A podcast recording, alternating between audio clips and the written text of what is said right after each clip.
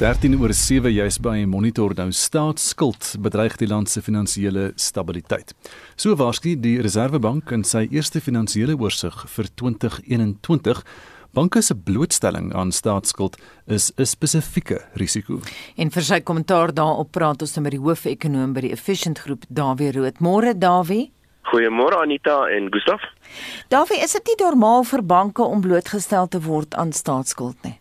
Ja, dit is inderdaad normaal. Banke word blootgestel aan staatsskulde uh, uh, of direk waar hulle direk geld aan die staat leen uh, of op 'n indirekte wyse. Onthou banke leen geld aan ander ondernemings en baie keer gebruik hulle dan staatsskuld as sekuriteit teen hierdie spesifieke lenings. So dit is heeltemal normaal. En staatsskuld word gewoonlik ook gesien as die laagste of een van die laagste risikobates in die meeste lande. En die rede daarvoor is omdat die staat die staat is en die staat kan eenvoudig belasting verhoog om daardie skuld byvoorbeeld terug te betaal. So gewoonlik word dit gesien as 'n laat tipe uh, van risiko in 'n ekonomie en banke is normaalweg daaraan blootgestel.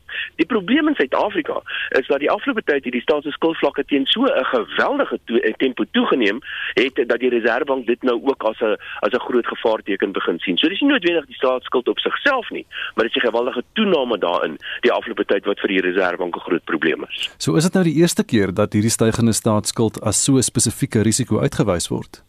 Inderdaad, die Suid-Afrikaanse Reserwebank is verantwoordelik vir die banke in Suid-Afrika en op 'n gereelde basis doen hulle alderhande toetse op die finansiële state van die banke. So byvoorbeeld, sal die Reserwebank gaan en sê wat gebeur indien rentekoerse sou styg met die banke. En daar's verskillende tipe van kliënte by die banke, daar's kleinhandelkliënte en groothandelkliënte, miskien finansiële instellings en dies meer. En dan kyk hulle, hulle doen eintlik 'n 'n soort van 'n eksperiment. Wat gebeur met die bankstelsel indien dit of dat sou gebeur? En dit is nou wat die eerste keer dat die Reserwebank dit uitwys wys en sê dat een van die grootste probleme in Suid-Afrika op hierdie stadium vir die bankstelsel of potensiële probleme is die geweldige toename in die staatsskuld. En dit is die eerste keer dat die toename in staatsskuld op sigself as 'n baie groot probleem uitgewys word. Dit is 'n sogenaamde rooi probleem. Daar's net 'n paar ander probleme ook wat uitgewys word, maar die omvang daarvan is nie so groot as wat die Reserwebank reken die staatsskuld toename op hierdie stadium is nie. Davie, wat is die praktiese effek hiervan? Die praktiese effek hiervan sien ons eintlik al reeds op verskeie plekke. Die en dis niks nuuts hier nie. Uh die finansiële marke weet byvoorbeeld en ons het al baie self daaroor gepraat Anita, dat die staat se skuld geen geweldige tempo toeneem.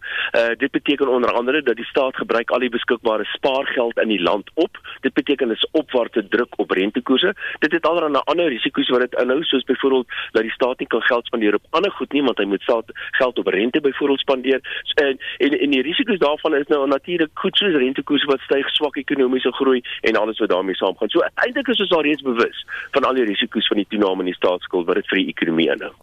Watter rol het hierdie COVID-19 die pandemie gespeel om hierdie benarde toestand van sake teweeg te bring of te versnel? Wat belangrik is om te verstaan Gustaf is dat die staat se finansies alreeds voor 2020 baie diep in die moeilikheid was.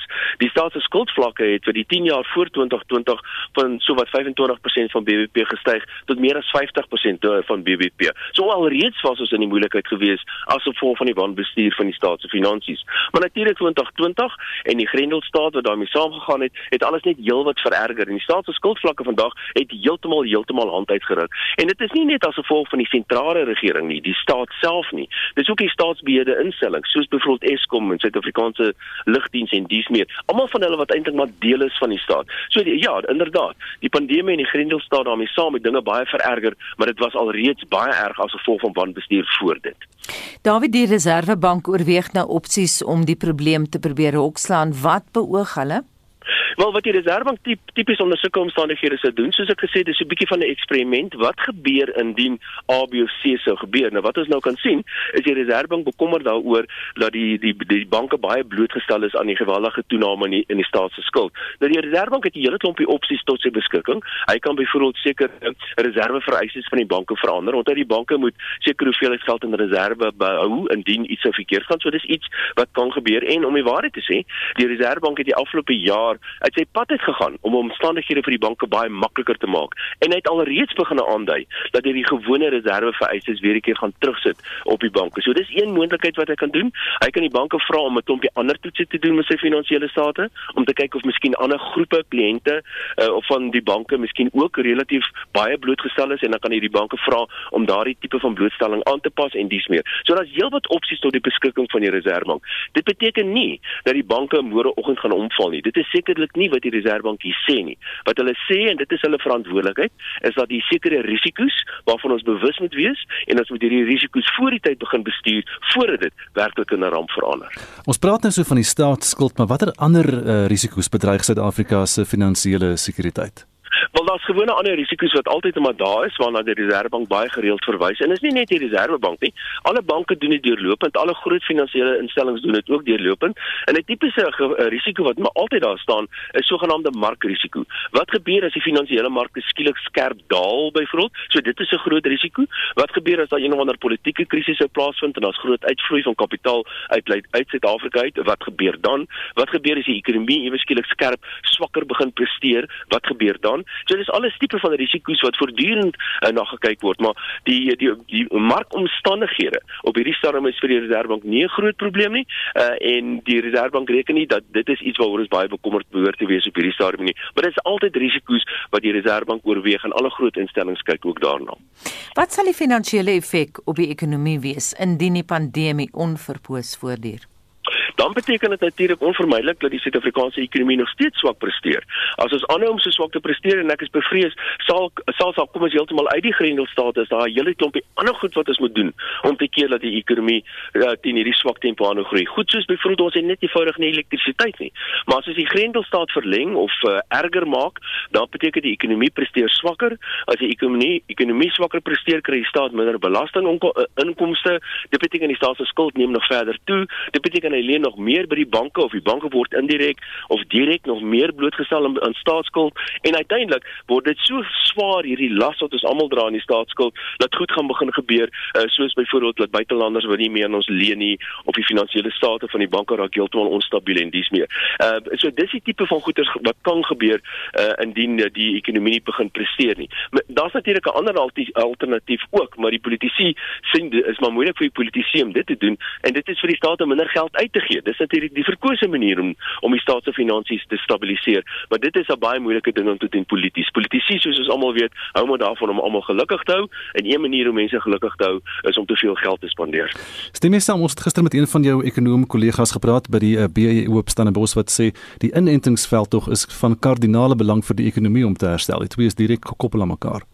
Wel wat inderdaad die geval is is is dat uh, as as die die die bevolking van die land siek is en ons het nodig om 'n grensstaat uh, in te stel ten einde die bevolking gesond te hou of te beskerm, dan gaan dit 'n negatiewe impak op die ekonomie. En wat ons ook al kan doen om te keer dat mense siek word of wat ons ook al kan doen om te keer dat ons nodig het om 'n ekonomie in 'n grensstaat te plaas, moet ons inderdaad oorweeg en doen ten einde die ekonomie oop te kry en te laat groei so gou as wat ons moontlik kan. So ek as die as die die inentings kan help om dit te bereik, dan is dit absoluut noodsaaklik dat ons almal dit doen so gou as moontlik moontlik om die ekonomie oop te kry en weer aan die groei te kry. Baie dankie en daai raad kom van Dawie Rood, hoofekonoom van die Efficient Groep. Dis 21 minute oor 7 jy's by monitor nou die voorgestelde vuurwapen wetgewing het oppositiepolitici en burgerregte groepe sommer warm onder die kraag. Die Instituut vir Rasseverhoudinge sê eenvoudig die beoogde wetgewing is heeltemal uitpas met die werklikheid. Monitor het die naweek met 'n anonieme sakeman van Kuruman gepraat in die Noord-Kaap wat ewe onthuts is oor die onlogiese aard van die regering se planne. Anita, wat ek nie kan verstaan nie is dat ehm um, dat die mense wat die groen lisensies het. Se lisensies is nog steeds geldig, maar ek wat die wet gehoorsaam het en gegaan het na die nuwe lisensies toe. En die kursusse gedoen het, moet nou elke X aantal jare moet ons die lisensie hernie. En wat gebeur het, myne het verval. En toe ek dit nou gaan hernie, toe sê hulle vir my nee, ek moet my wapens ingee wat ek gedoen het.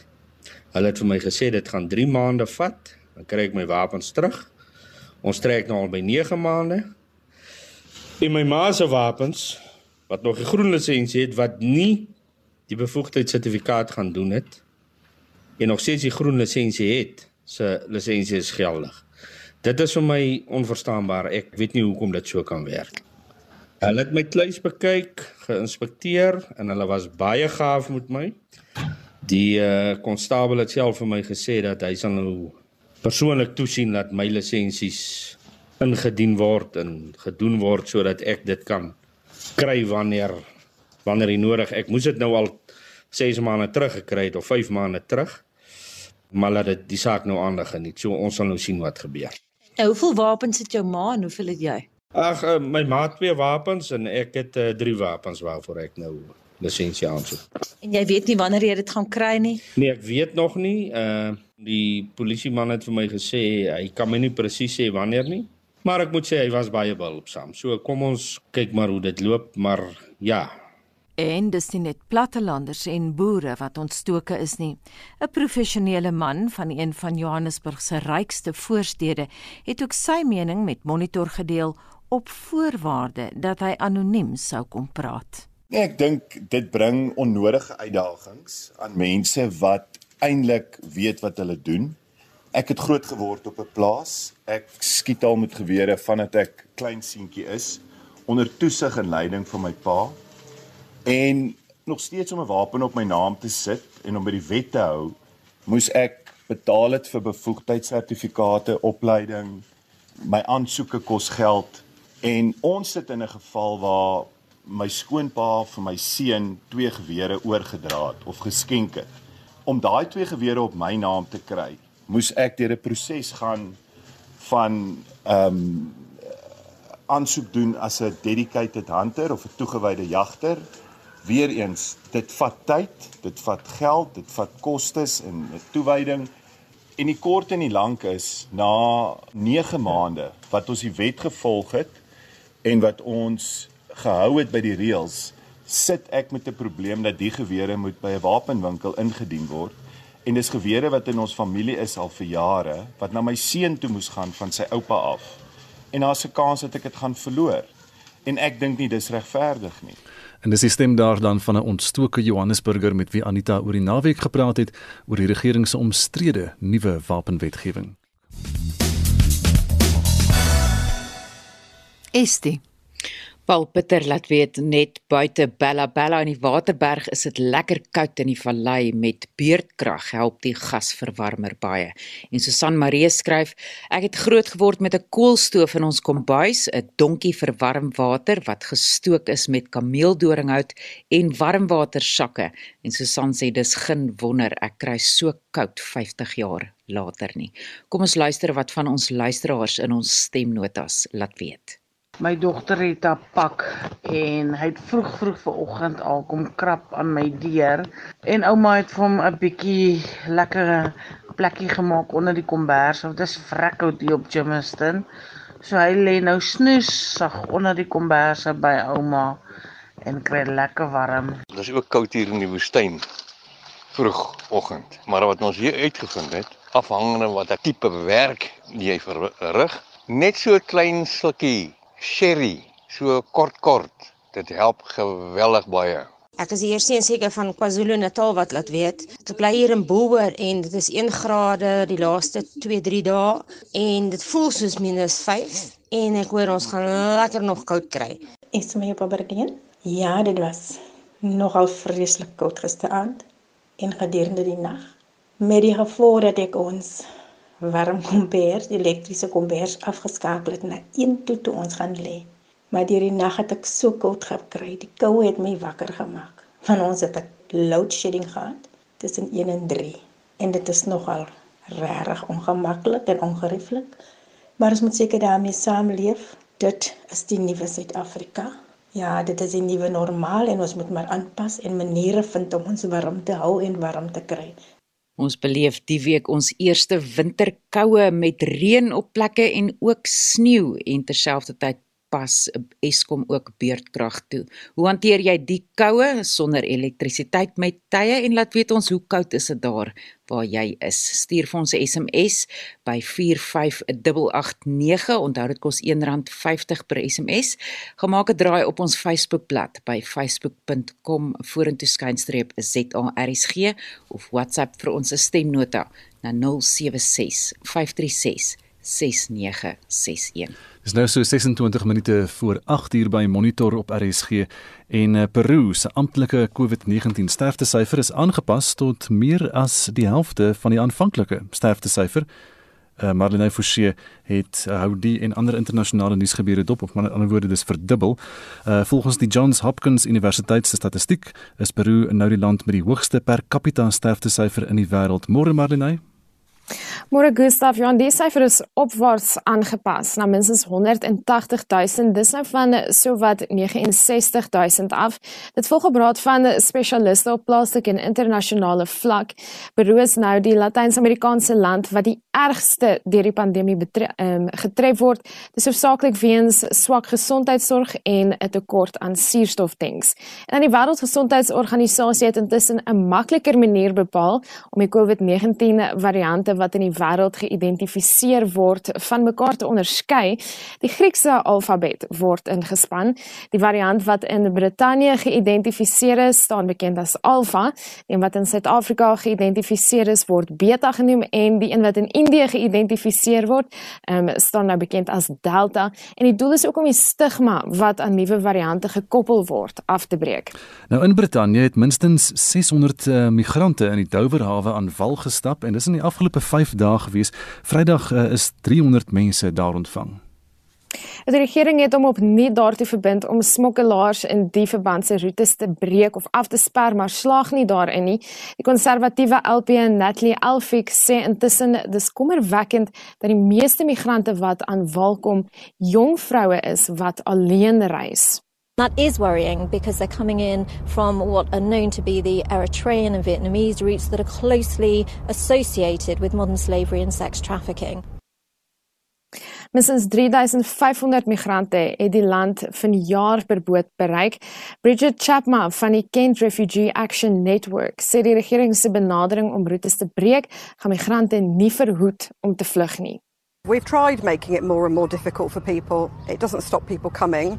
And we risk people drowning at sea, we have to be working to find safe and legal ways for them to claim asylum so that they don't have to make the choice to use people smugglers. Intussen stroom migrante steeds na Brittanje met die hoop op 'n nuwe begin. Nou ons bly in Europa by hierdie storie wat nou al 'n lang pad kom. Denemarke en die FSA word beskuldig daarvan dat hulle saamgewerk het om op top Europese politici te spioneer. Dis tussen 2012 en 2014 gewees. En die lande wat betrek word sluit Duitsland, Frankryk, Noorwe en Swede in. Die Denemarke se minister van verdediging, Trine Bramsen, veroordeel die aantuigings, maar dit het nie ontken of bevestig nie. Intussen bevraagteken 'n senior sekuriteitsanalis vir die maatskappy Reine in Washington, Amerika, Ben West, die tydsberekening van die onthulling. This is coming out less than two weeks before President Biden is scheduled to travel to Europe for a series of meetings, G7, NATO, even a meeting with President Putin of Russia. So this story coming out right now threatens to kind of cast a pall over that trip. And you can certainly imagine critics of the United States and Europe using this to undermine the trip. Die Duitse kanselier Angela Merkel en die Franse president Emmanuel Macron is van die Europese leiers wat antwoorde eis. En ons verskuif dan die aandag na China waar kommer heers oor die daling in die land se geboortesyfers. Vir dekades lank mag Chinese gesinne slegs een kind gehad het en 2016 is gesinne toegelaat om twee kinders te hê. Nou mag 'n mens 3 kinders hê. Nou die koste daaraan verbonde om kinders groot te maak in China het aanleiding gegee daartoe dat mense nie meer wil kinders hê nie en dit is nou die regering se poging om bevolkingsgroei weer aan te moedig. Marlene Forsie met 'n opsomming van vandag se internasionale nuusgebeure. Dis vandag amptelik winter en soos gewoonlik hierdie tyd van die jaar fokus RC op die winterhoop veldtog. Vir meer oor wat dit presies behels, praat ons nou met Leona Pinaar. Sy is bestuurshoof van Mes. Goeiemôre Leona. Goeiemôre en goeiemôre luisteraars. En ons praat ook met Dr Marinda van die kerk, sy is hoof van Pen wat ook deel is van die veldtog. Goeiemôre Marinda. Goeiemôre julle almal. Kom ons begin by jou Leona. Winterhoop bestaan nou al 20 jaar lank. Hoe het MES se betrokkeheid daarbey oor die jare verander? Ja, dit is 'n groot dag vandag. Ek dink 20 jaar um, is 'n groot mylpaal vir Winterhoop. Dit is ook vir MES 'n groot mylpaal vandag. Dit is ons 35ste verjaarsdag vandag. So dit is uh, vir ons 'n baie spesiale dag vandag en ek dink MES se betrokkeheid by Winterhoop met 10 Dit begin 20 jaar terug in 'n reaksie om te sê maar ons moet tydens die wintermaande ietsie ekstra doen vir die hawelose gemeenskap. Mense het intussen sy takke uitgebrei na ander stede, so ons um, is ook nou in Port Elizabeth en in Kaapstad, so ons kan daar ook die veld tog hardloop. En dan het ons vennote in Bloemfontein en ook in KwaZulu-Natal um, met Torings van Hoop en His Hands in Durban. Ek dink mense betrokkeheid oor die jare het verander. Die dat ons altyd gesê het ons wil graag komberse en klere insamel. Maar ek dink wat ons ook anders doen nou is om te sê ons wil graag die publiek uitdaag om meer verantwoordelik te gee. En ons het 'n kuponstelsel ingestel dat mense kan boekies koop by ons vir maaltye of vir skuilings. So jy koop 'n boekie en jy kan dit dan uitgee by die verkeerslig of as jy iemand het wat jy graag wil help vir 'n skuiling of vir 'n bord kos. Dit maak dat mense dan toegang kry tot 'n groter diens binne die stelsel. Dan kan jy ons eers so 'n bietjie meer vertel oor pen. Ja, dit is heerlik. Dankie dat julle ons nooi vanoggend. Ehm um, dis goed dat dit so ijskoud buite laat ons almal dis die perfekte tyd vir winterhoop om te begin. So as jy snoesig onder jou kombers nog in die bed lê met 'n warm koffie, ehm um, moet jy weet daar's mense daar buite wat ehm um, buite slaap en koud kry. Mamas met kinders, ehm um, mense wat net ons hulp en ons liefde nodig het. So veral deur die ehm um, grendeltyd het um, het ons by pen met nuwe skuilings begin omdat daar so baie mense is wat nie 'n plek het of 'n permanente huisvesting het nie. En ons het ook 'n nuwe projek begin as deel van ons skuilings is 'n distribusiesentrum. So almal in Pretoria se omgewing, julle is so welkom om um, by die NG gemeente Ooskerk daar by die Lofteskerk, ons mag dit nie so noem nie, maar ek noem dit nou so, by die Lofteskerk. Um, kan jy gerus um, enige donasies, lekker warm komperse of 'n warm baadjie of iets wat jy ekstra in jou kas het, um, vir ons kom afgee en dan ons maak seker dat dit by die regte mense uitkom. Maar ek wil ook sommer net vir Messi baie geluk met hulle verjaarsdag. Dit is darem maar 'n groot mylpaal en ons is so trots om om met hulle geassosieer te wees in hierdie projek. Leona, kom ons kom uh, terug na praktiese goed. Toe. Jy het nou gepraat van boekies wat mense kan koop om mense op straat te help. Vertel ons meer daarvan en waar sou 'n mens dit koop? Um, ek dink baie van ons projekte um, wat juist met skuilingswerk het, so stelsels. So my voorstel is dat mens met die die organisasie naaste aan jou kontak of 'n winterhoop direk kontak. Hulle kan jou dan in die kontak sit met die naaste skuiling of op mense webtuiste kan jy dit ook kry by www.mes.org.za of dan by winterhoop.org.za. Um, ek dink die ander praktiese ding en ek dink Marinda met my saamstem is dat die feit dat ons weer binne COVID leef in hierdie winter beteken ook dat ons na ons haweloses ook moet kyk in terme van maskers en sanitasie en baie meer skoonmaakmiddels moet gebruik om ons skuilings dan ook binne die regulasies te bestuur. Ons wil ook 'n beroep op die publiek doen rondom dit asseblief. Maar dan ek wou nou juist vir jou daaroor vra, hoeveel meer mense is tans op straat as gevolg van die hele COVID-19 pandemie? So, um, weet jy, dis 'n moeilike vraag om te antwoord. Ek dink as jy oral sit in die media as jy navorsing probeer doen oor hoeveel mense leef op straat, is daar soveel konfronterende getalle. Maar ons werk met omtrent iets soos 20000 mense wat ernstig op straat is. So dit is dis 'n groot getal en um en dit vra na baie kundigheid en baie van ons mense, jy weet, um mense wat op straat leef, daar's soveel verskillende redes hoekom hulle op straat beland. Um geestesgesondheid is een oorsaak familiegeskiedenis of um, mishandeling in die huis. Daar's soveel komplekse redes hoekom mense op straat beland dat ehm um, soos jy nou na verwys, ons het ons het kundigheid nodig om ons mense te, met die beste moontlike dienste kan versorg.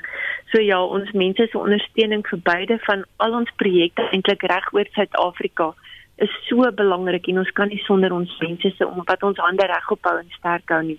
Leona, hoeveel kinders is op straat? Ehm um, soos Marinda sê, daar is nie 'n formele sensus al gedoen nie. Ehm um, ek dink wat baie verander het is ek dink aan 1994 by Mes was daar verskriklik baie kinders wat jy visueel kon sien op straat. Dit het oor die jare baie verander want daar baie wat hulle noem die gehijackte geboue begin kom en hierdie kinders het eintlik begin verdwyn. So mense sien hulle nie meer soos wat hulle nie amper nie ou daar hmm. um, op die sypaadjies gelê het met hulle kombers en dit dit sien mense nie meer nie. Maar hulle het dan eintlik nou meer soos hulle sê invisible geraak. So dis vir ons baie moeilik om, om 100% presies aan dit te kom. Maar nou ons het nou die dag gepraat met die burgemeester van Johannesburg wat nou juist hieroor gepraat het, vertel dit van die geboue wat wat so bewoon word wat mense nie besef nie as jy van buitekant af kyk nie. Is daar so 'n geval in Pretoria ook?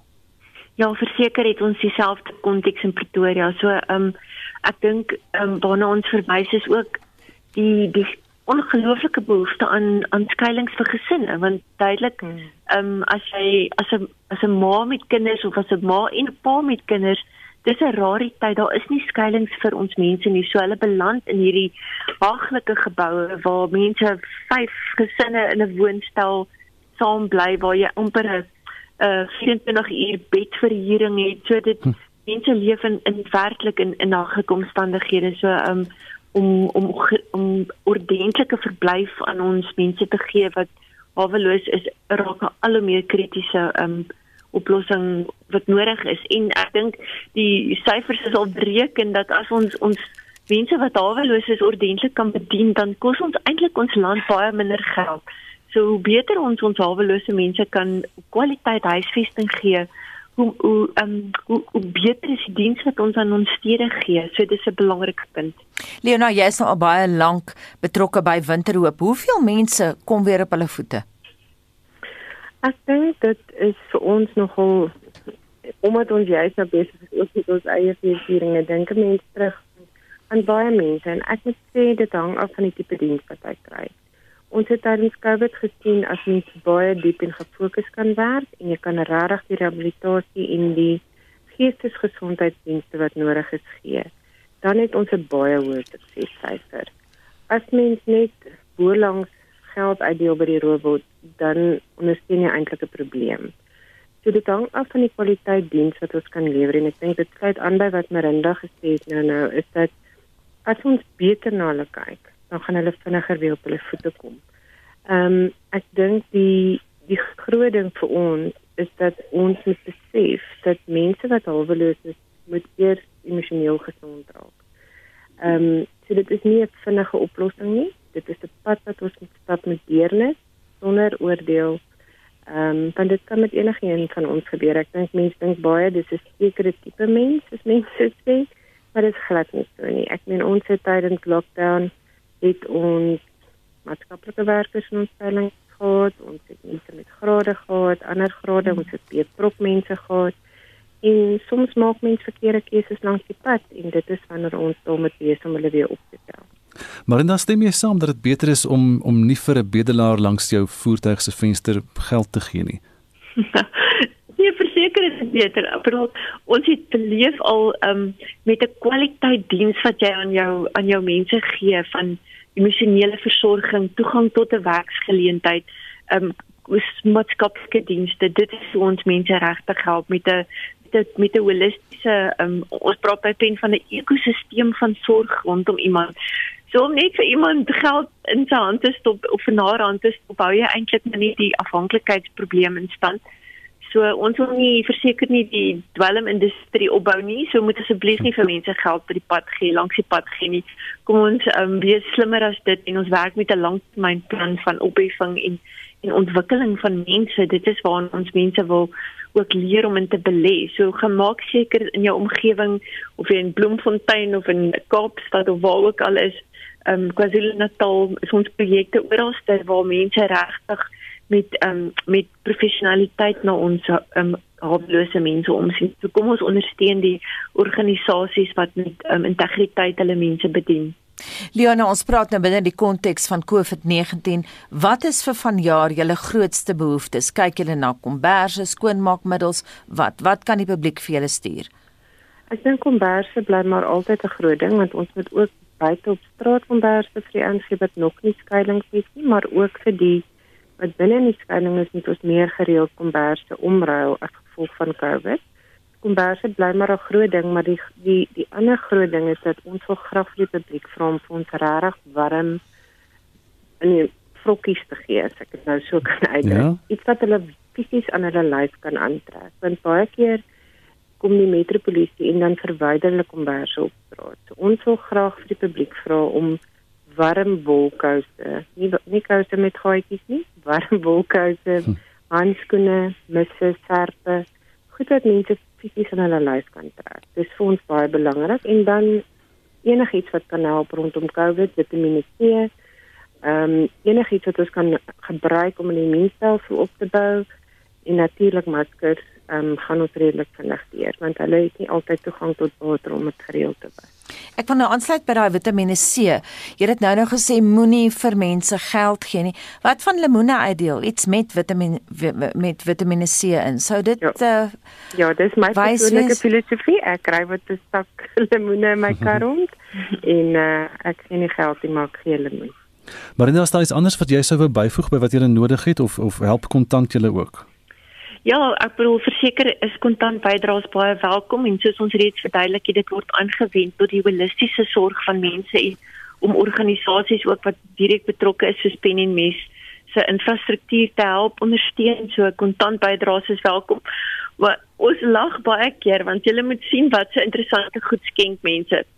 Stink panties, kouse met gate in dis die tipe goed wat ons nie graag wil hê nie. So soos Leona sê, lekker warm wintersokkies of vessies of ehm um, ja, jou baadjies en ehm um, dit is die dinge wat 'n verskil maak. So ehm um, ja, dink maar mooi oor die oor die integriteit en die waardigheid ook van die mense aan die ander kant wat ontvang as jy jou kas leegmaak. Hmm. So ehm um, so, ja, dit hoef nie heeltemal nie te wees nie. Hoef nie heeltemal nie te wees nie, maar dit moet ook nou nie heeltemal so wees dat mense dit nie meer kan dra nie. Ja, en dit moet nie die ontsokombers wees nie. Ja. Is jy daar? Leona? Ja. ja. Leona, kom ons uh, weer eens net om ons eie luisteraars te help. Uh jy het nou nog gepraat, jy het vlugtig verwys na julle webadres, maar jy het ook 'n kontaknommer. Gee daai vir ons dat mense dit kan afskryf as hulle nog raad of hulp by julle wil hê of hulle kan hulp bied. Waar kan hulle julle bel? Hulle kan vir winterhoop skakel by 011 725 001 011 0725 of alles is ook op die webtuiste by www.winterhoop.org of hulle kan ook 'n e-pos skryf aan winterhoop@mes.org.za. Ek herhaal vinnig ja, ja daai daai nommer is 011 725 001 so dis 011 725 of jy gaan na www.winterhoop.org Leona Pinari bestuurshoof van MES asook eh, Dr Marinda van Niekerk die hoof van PEN het vanoggend met ons gepraat hier oor die afskop van die Winterhoop veldtog 752 in 'n storie van 'n ander aard, die Biervereniging van Suid-Afrika verwelkom die regering se besluit om aangepaste vlak 2 inperkingsmaatreëls in te stel. Volgens die vereniging sal die regulasies verseker dat landsburgers se lewens en lewensbestaan beskerm word. Vincent Mofokeng doen verslag.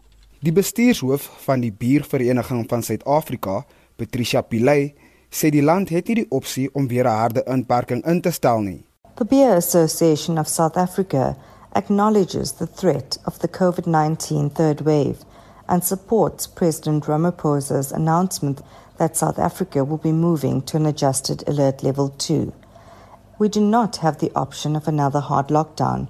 The restrictions imposed by last year's lockdowns, combined with the outbreak of COVID 19, resulted in South Africa's worst economic retraction in over 90 years. Pilay sê die streng inperking op alkoholverkope wat verlede jaar ingestel is, tesame met die uitbreking van COVID-19, het gelei tot 'n verlies van 14,2 miljard rand aan verkoopsinkomste. This included the three blanket bans on alcohol, which had a devastating impact on our local beer industry with over 7,400 jobs lost, 14.2 billion in lost sales revenue and more than a 7.8 billion loss in taxes and excise duties. PASA calls on all South Africans to continue employing non-pharmaceutical measures like wearing of masks, washing of hands, social distancing to help mitigate the impact of the third wave while we continue to work with government to ensure the safe and responsible trading and consumption of alcohol. That was Patricia Pillay die bestuurshoof van die Biervereniging van Suid-Afrika. Ek is Vincent Mufokeng vir SAIK nuus. Ons kry sommer baie raad vir oggend oor hoe om die koue te vnuik. ST ons hoor van sherry wat gedrink moet word en warmwater sakke en lywe wat mekaar warm hou, maar niemand sê iets van die honde uh waarmee mense slaap nie. Ek weet jy's 'n hondeliefhebber. Dis ook goeie raad. Hulle maak heerlike warmwater sakke. Baie warm. Uh, Anita Helena Stein sê die koue gee my woema. Jan Kempdorp is eisig en Helena sê ek het vanoggend 2:30 opgestaan en die yskas en vrieskas ontdooi gewas en teruggepak, geskuif en ook ondergewas. Die wasmasjien en die tuimeldroër geskuif. Ek het my 80 blikke begin afpak en hulle gaan ook gewas word en die vensters wink ook vir my. Ek het hoope woema en ek kry so lekker warm. Helena, jy moet daai raad vir ons reg aanstuur van wat jou so warm maak in hierdie ysige koue. En Susan Kutse Kirtland sê Kaggelvuur tot slaaptyd dan elektriese kombers as daar krag is. Dagtemperature was tot gister draaglik. Daar het gister 'n regte sneeureën geval en ek dink ons sal van vandag af ons wintersklere begin uitpak. Bets Ferreira skryf ons vermy al jare lank om nie verwarmers te gebruik nie deels oor die koste en ook om vir koue vry te spring. Lekker snoesige komberse is warm en goedkoper hier in die noorde van Tshwane is dit nooit bibberend koud nie. En Jack Waterboer laat weet vir ons ek het nog nooit 'n verwarmer gebruik gedurende wintertyd nie. Ek oorleef die koue deur my warm komberse en 'n vuurtjie buitekant gedurende die dag te maak. Ek kan letterlik al die koue voel hier in die Tsitsikamma. En Gwyneth Holtzhausen sê, "Sal maar 'n kaggelvuurtjie maak by Kerslig." En Joma Koetser Kemp skryf: Ek het groot geword op 'n eisige Karoo dorpie, maar bly nou aan die Weskus. Ek steek maar my kaggeltjie aan vir hitte en lig en het 'n filmpie afgelaai vir my en my kinders om te kyk terwyl ons vanaand beerdkrag het. Dit was nou gisterand en my kos is gemaak voor die tyd en ons gaan vroeg eet. Baie dankie jou terugvoer vanoggend. En ons het 'n luisteraar wat vinnig sê gee asseblief weer vir ons daai winterhoop nommer. Dis 011 725 001. Marlene, wat is alles op die dagboek vir Spectrum om 12? Statistiek Suid-Afrika maak die eerste kwartaal se arbeidsmag verslag bekend. Dis heelomvattend rasgeslag demografie word ingesluit. Getuienis oor die passasierspoorwegagentskap Prasa hervat vandag voor die Sondekommissie en dan in Noordwes gaan sê die bank waterdienste en instandhouding van waterverskaffingsinfrastruktuur in verskeie dele van die provinsie na verwagting vandag opskort. Onthou vorige uitsendings van Monitor is op RC se webblad as 'n potgooi beskikbaar. Gaan www.rsg.co.za. Ons is môreoggend om 6uur terug. Dit was monitor met uh, ons uit waarnemende uitvoerende regisseur Wessel Pretorius, Jean Estreisen ons redakteur en Daitrin Godfrey ons produksieregisseur. Ek is Gustaf Vreiding en Helena is nou reg met die 8uur nuus.